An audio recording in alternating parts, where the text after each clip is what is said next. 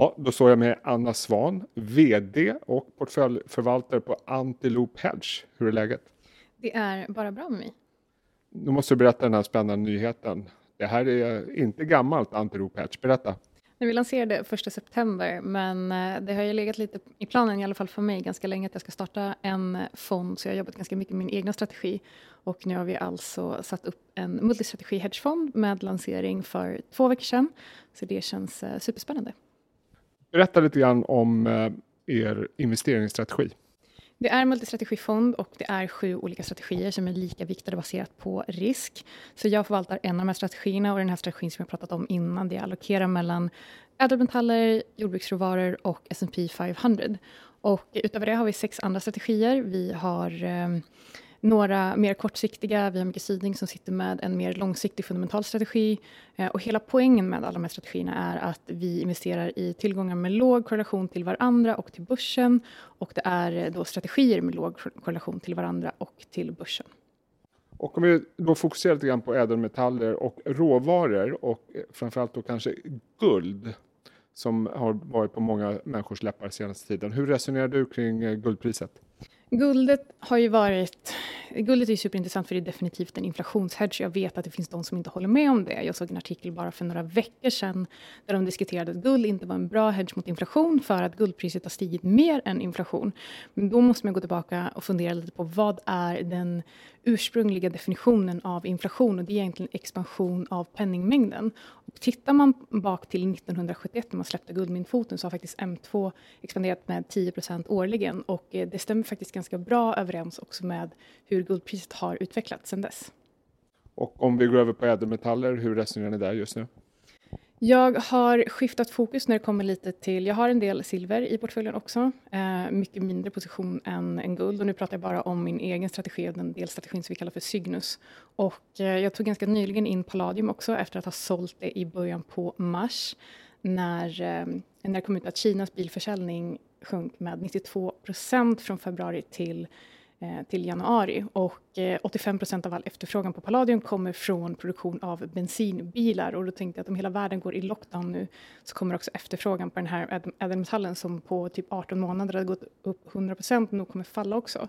Eh, priset drog lite vidare och sen så föll det ner ganska rejält så att jag kom fortfarande in på en eh, lägre nivå nu än vad jag sålde på. Vi måste prata lite marknaden du och jag också. Det har vi gjort eh, tidigare och framförallt om centralbankernas roll. Vi är inne i ett skede nu, rätt mig om jag har fel, där ECB, Fed och company gör allt i sin makt för att eh, bibehålla den här V-återhämtningen som vi ser. Hur resonerar du kring det och hur tänker du kring det agerandet? Jag skulle vilja kalla det för att de agerar för att eliminera tail risk. Så de gör vad som helst för att marknaden inte ska gå ner. Och det är jättebra för alla som investerade och inte så bra för de andra. Och jag skrev ett memo eh, när vi lanserade fonden som hette Inflation or Deflation Yes. Och med det menar jag att det här penningtryckandet som vi ser, det kommer faktiskt inte läcka ut i konsumentprisindex så mycket. Jag tror att vi kommer se eh, en Japans situation där de senaste åren så har eh, Japans index gått upp eh, 160 procent medan eh, inflationstakten har den har legat eh, ganska lågt, ibland till och med gått ner på deflatoriskt tillstånd. Så jag tror att vi emellanåt kommer se eh, deflation i USA, vilket också kommer bara bidra till att vi trycker ännu mer pengar. Och det kommer bidra till att eh, tillgångspriser går upp ännu mer. Vad ska man säga om prisutvecklingen egentligen? Nu, nu har det för sig varit lite skakigt senaste dagarna på Nasdaq, det är väl ner 10 och sånt där på tre handelsdagar. Men jag vet att du skriver i samma den här memot att inflation istället för multipel expansion. Berätta lite hur du resonerar kring det.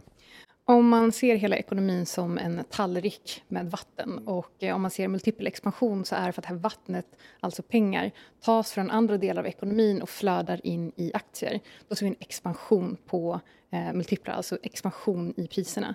Men om, eh, men om vi istället som nu, vi har egentligen öppnat en vattenkran över den här tallriken så att det bara flödar in pengar i marknaden. Så att, och det gör att vi inflaterar priserna snarare än att de expanderar.